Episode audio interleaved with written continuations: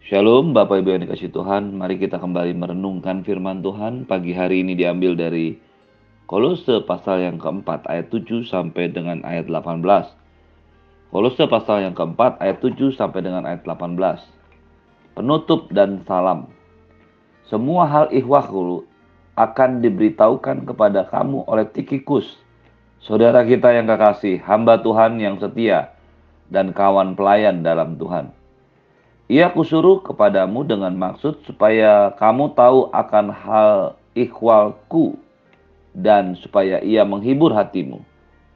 Ia kusuruh bersama-sama dengan Onesimus, saudara kita yang setia dan kekasih, seorang dari antaramu.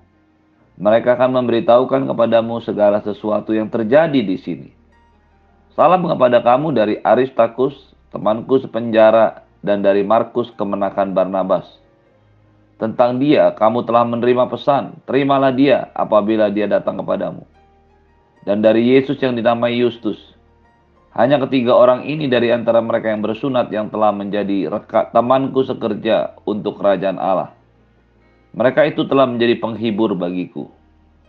Salam dari Eva Pras kepada kamu, ia seorang dari antaramu, hamba Kristus Yesus, yang selalu bergumul dalam doanya untuk kamu supaya kamu teguh berdiri sebagai orang-orang yang dewasa dan berkeyakinan penuh dengan segala hal yang dikendaki Allah. Sebab aku dapat memberi kesaksian tentang dia, bahwa ia sangat bersusah payah untuk kamu dan untuk mereka yang di Laodikia dan Hierapolis. Salam kepadamu dari tabib Lukas yang kekasih dan dari Demas. Sampaikanlah salam kami kepada saudara-saudara di Laodikia dan juga kepada Nimfa dan jemaat yang ada di rumahnya. Dan bila mana surat ini telah dibacakan di antara kamu, usahakanlah supaya dibacakan juga di jemaat Laodikia. Dan supaya surat yang untuk Laodikia dibacakan juga kepadamu. Dan sampaikanlah kepada Arkipus, perhatikanlah supaya pelayanan yang kau terima dalam nama Tuhan Yesus kau jalankan sepenuhnya. Salam daripadaku Paulus. Salam ini kutulis dengan tanganku sendiri ingatlah akan belengguku. Kasih karunia menyertai kamu. Bapak Ibu yang dikasih Tuhan, kita masuk dalam bagian penutup dari kitab Kolose di mana Rasul Paulus akhirnya memberikan sebuah keterangan akhir daripada surat yang dikirimkannya kepada jemaat di kota Kolose. Di bagian akhir dari kitab Kolose ini, Firman Tuhan mengajar kita satu kebenaran yang sangat luar biasa. Ternyata dalam pelayanan perkabaran Injil, perintisan jemaat yang dilakukan oleh Rasul Paulus, seorang rasul besar yang karyanya menuliskan banyak sekali kitab-kitab di dalam Perjanjian Baru di dalam pelayanan Rasul Paulus yang besar ini ada begitu banyak orang yang menyertai, membantu dan bersama-sama dengan dia. Yang kedua, kita melihat bagaimana Paulus begitu menghormati, begitu menghargai orang-orang yang bersama-sama dengan dia. Penghargaan yang dia berikan kepada orang-orang yang bersama-sama dengan dia dia sampaikan kepada jemaat dengan harapan supaya jemaat juga menghargai orang-orang yang memang bersama-sama dengan Paulus. Ini menjadi penting. Kedua hal di atas tadi begitu penting untuk disadari oleh orang-orang percaya pada masa kini. Yang hari-hari ini sering kali terpusat hanya kepada satu orang pemimpin. Yang hari-hari ini hanya memandang hanya kepada satu orang pemimpin mereka lupa bahwa Rasul Paulus sendiri seorang hamba Tuhan yang besar. Dia membutuhkan banyak orang yang bersama-sama dengan dia.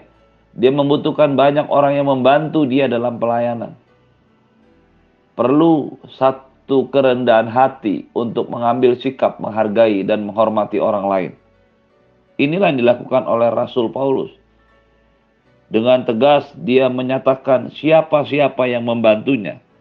Mulai dari Tikikus, Onesimus, Aristakrus, Markus, Justus, Eva Pras, Tabib Lukas, Demas, Nimfa, Arkipus. Ada begitu banyak nama yang menyertai pelayanan Paulus, yang membantunya, yang bertugas dengan tugas-tugas khusus yang diberikan oleh Paulus untuk mereka kerjakan. Mereka lah orang-orang yang mungkin selama ini namanya tidak terkenal, tetapi pastinya di dalam kekekalan mereka akan punya kedudukan yang juga dihormati oleh Tuhan. Kebenaran ini menjadi sebuah challenging, sebuah tantangan bagi kita yang hidup pada masa kini. Mungkin kita tidak bisa seperti Paulus, mungkin kita tidak bisa seperti rasul-rasul yang lain. Tapi Anda dan saya bisa melayani Tuhan bisa bisa membantu pelayanan Tuhan, bisa membantu pelayanan hamba-hamba Tuhan. Sehingga satu kali kelak nama Anda dan saya walaupun tidak tercantum dalam Alkitab, tetapi akan tercantum dalam kitab kehidupan yang akan mencatat semua yang Anda dan saya kerjakan di dunia ini. Belajarlah rendah hati seperti Paulus yang tidak menganggap semua keberhasilan, semua hasil, semua pekerjaan pelayanannya merupakan hasil kerjanya seorang diri. Lihatlah begitu banyaknya orang-orang yang dia tuliskan dalam kitab Kolose. Ditambah dengan kitab-kitab lain yang dia selalu tuliskan. Paulus selalu menyertakan orang-orang yang bersama-sama dengan dia. Sekecil apa pun peran mereka. Ada yang menghiburkan pada waktu di penjara, ada yang mengirimkan surat, ada orang yang menemani, ada orang yang menyampaikan informasi kepada jemaat, ada orang yang menyampaikan informasi jemaat kepada dia. Orang-orang ini adalah orang-orang yang melayani Tuhan dengan segenap hati mereka. Paulus orang atau rasul yang begitu memperhatikan dengan detail apa yang mereka kerjakan. Dan lihatlah penghargaannya kepada mereka. Kita lihat apa yang dia tuliskan tentang Tikikus. Dikatakan di sini, saudara kita yang kekasih, hamba yang setia, dan kawan pelayan dalam Tuhan. Kita tidak tahu siapa Tikikus itu, apa perannya, tapi Paulus tahu dan tentu saja Tuhan tahu. Lihatlah bagaimana penilaian Paulus kepada Tikikus. Yang pertama, saudara yang kekasih, hamba yang setia, dan kawan pelayan dalam Tuhan. Kita harus mampu melayani Tuhan bersama-sama dengan orang lain. Kita harus mampu memberikan penghargaan kepada orang yang melayani Tuhan bersama-sama dengan kita. Ketika Anda dan saya mengingat satu orang, perhatikanlah bahwa kita harus mengingat yang baik.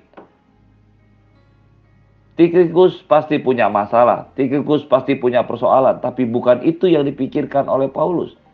Paulus justru menyatakan dia adalah saudara kita yang kekasih, hamba yang setia, dan kawan pelayan dalam Tuhan. Di sisi yang lain, apa yang dituliskan Paulus kepada Tikikus menjadi sebuah tantangan juga buat Anda dan saya yang hidup pada masa ini. Kira-kira apa yang akan dituliskan orang tentang diri kita? Siapakah kita menurut hamba-hamba Tuhan? Siapakah kita menurut pemimpin pelayanan kita? Siapakah kita menurut orang-orang yang melayani Tuhan? Apakah kita punya reputasi kesaksian yang baik? Apakah jemaat akan melihat kita apa adanya, keseluruhan, bukan hanya pada saat kita melayani Tuhan, tetapi juga dalam kehidupan sehari-hari, dalam rumah tangga, dalam membina keluarga, dalam keluarga kita, bagaimana dengan kehidupan semua anak-anak kita. Apa yang mereka ingat, apa yang mereka bayangkan tentang Anda dan saya, itu menjadi sebuah gambaran daripada apa yang digambarkan tentang diri kita oleh pencipta kita, Tuhan kita, yang kepadanya kita harus bertanggung jawab pada akhirnya. Paulus mengatakan, Tikikus adalah saudara yang kekasih. Setiap para pelayan Tuhan harus belajar mengasihi teman, rekan pelayanannya. Ketika kita mengasihi orang bersama-sama dengan kita, jauhlah daripada kita untuk membicarakan keburukannya di belakang, membicarakan semua yang tidak baik, semua yang menjadi kesalahannya, bahkan bukan kesalahannya, tetapi karena ketidaksukaan kita, kita membicarakannya di belakang. Saudara kita yang kekasih menunjukkan kasih kita kepada rekan-rekan kita. Orang-orang yang melayani Tuhan harusnya saling mengasihi, sekalipun mungkin berbeda pelayanan, sekalipun mungkin berbeda organisasi pelayanan. Pada prinsipnya, kita semua adalah orang-orang yang melayani Tuhan yang sama, mengasihi Tuhan yang sama. Sehingga seharusnya kita bisa mengasihi. Mungkin kita bisa berbeda, tetapi kita bisa belajar untuk mengasihi. Ia kusuruh kepadamu dengan maksud supaya kamu tahu akan hal ikhwal kami dan supaya ia menghibur hatimu. Inilah yang dilakukan oleh Tikikus. Dia kusuruh bersama-sama dengan Onesimus, saudara kita yang kekasih dan setia seorang dari antaramu. Onesimus sejatinya adalah seorang budak dari seorang yang bernama Filemon. Dia berasal dari Kolose, tetapi melarikan diri dan akhirnya ditangkap di Roma bersama-sama dengan Paulus. Ketika bertemu dengan Paulus, dia menerima Yesus Tuhan sebagai juru selamat pribadi dan diubahkan Tuhan. Dan yang Paulus lakukan adalah mengembalikan dia kepada tuannya, Filemon, di kota Kolose Perhatikanlah bagaimana eloknya etika budi daripada Paulus. Dia mengembalikan Onesimus kepada tuannya di kota Kolose. Dia juga mengangkat Onesimus yang tadinya adalah seorang budak menjadi seorang sahabat, saudara, dan rekan sekerja yang kekasih. Salam dari Aristarchus, temanku sepenjara, dan dari Markus kemenakan Barnabas tentang dia, kamu telah menerima pesan, terimalah dia, apabila dia datang kepadamu. Ada Aristarchus, teman di penjara, dan Markus. Tentang Markus ini, ada satu cerita yang menarik. Bagaimana Rasul Paulus sebenarnya pernah menolak dia karena Markus tidak mau menyertai mereka, tidak mau menyertai Paulus dalam pelayanannya. Markus yang adalah kemenakan dari Barnabas, memilih kembali ke Yerusalem dan meninggalkan Paulus sehingga akhirnya Paulus membawa Silas. Karena Markus inilah akhirnya Paulus dan Barnabas bertengkar ketika mereka ada di Pamfilia dan itu sebabnya Paulus akhirnya hanya membawa Silas sementara Barnabas membawa Markus. Tetapi pada bagian di mana surat ini ditulis ternyata Paulus telah berhasil menerima Markus kembali dan Markus telah kembali bersama-sama dalam pelayanan. Lihatlah bagaimana Paulus menyadari kesalahannya, menerima Markus. Lihatlah bagaimana kesetiaan dan kerendahan hati Markus yang walaupun pernah ditolak untuk bersama-sama melayani, tetapi akhirnya dia kembali menjadi rekan sekerja dari Paulus. Lihatlah bagaimana Paulus bisa mengampuni kesalahan Markus di masa yang lampau. Menerima dia, mengajaknya kembali dalam pelayanan, dan bahkan memberikan kepadanya tempat, satu tempat yang terhormat. Dikatakan, apabila kamu telah menerima dia, artinya ketika Markus datang ke kota Kolose, terimalah dia apabila dia datang kepadamu. Bapak Ibu yang dikasih Tuhan, kita harus belajar untuk bisa melupakan kelemahan atau kesalahan orang di masa yang lampau. Setiap Anda dan saya pasti memiliki masalah di masa yang lampau. Pada waktu kita datang kepada Tuhan, meminta pengampunan dan hidup dalam kebenaran kembali, maka semua yang terjadi di masa yang lampau yang sudah diampuni haruslah kita belajar untuk lupakan Inilah yang dilakukan oleh Paulus kepada Markus. Dia berhasil melupakan kesalahan Markus di masa yang lampau, menerimanya kembali dan menghormatinya. Sehingga jemaat di Kolose pun diminta menghormatinya. Salam dari Eva Pras, seorang di antara kamu, hamba Kristus Yesus yang selalu bergumul dalam doanya untuk kamu. Supaya kamu teguh berdiri sebagai orang-orang dewasa yang berkeyakinan penuh dengan segala hal yang dikendaki Tuhan. Eva Pras adalah seorang dari Kolose yang betul-betul bukan hanya merintis jemaat di tiga kota, Laodikia, Kolose, dan Hierapolis, tetapi seorang yang sungguh-sungguh bergumul dalam doa. Doa yang bukan main-main. Kata bergumul dalam doa bisa dikatakan juga bergulat dalam doanya, bertekun dalam doanya. Aku dapat memberi kesaksian bahwa ia sangat bersusah payah untuk kamu dan untuk mereka yang di Laodikia dan Hierapolis Eva adalah orang yang sungguh-sungguh berdoa, sungguh-sungguh mengerjakan pelayanannya dengan sepenuh hati, sampai bersusah payah. Semua dilakukan supaya jemaat di kota Kolose, Laodikia, dan Hierapolis menjadi dewasa dalam Tuhan. Salam kepadamu dari tabib Lukas yang kekasih dan dari Demas.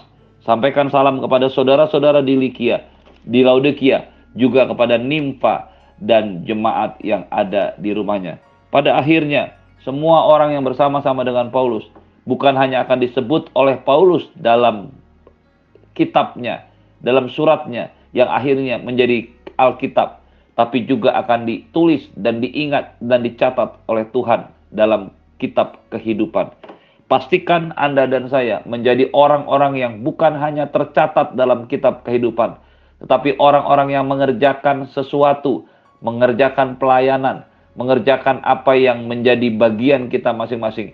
Tidak ada seorang pun di antara kita yang hidup diselamatkan Tuhan tanpa tugas yang bisa Anda dan saya kerjakan. Pastikan hari ini semua kita melayani Tuhan dengan apa pun yang kita bisa kerjakan dan lakukan. Terimalah berkat yang berlimpah dari Bapa di surga, cinta kasih dari Tuhan Yesus, penyertaan yang sempurna daripada Roh Kudus akan menyertai hidupmu hari ini dan sampai selama-lamanya. Di dalam nama Tuhan Yesus semua yang percaya katakan amin. Shalom, selamat pagi. Tuhan Yesus memberkati. Selamat beraktivitas.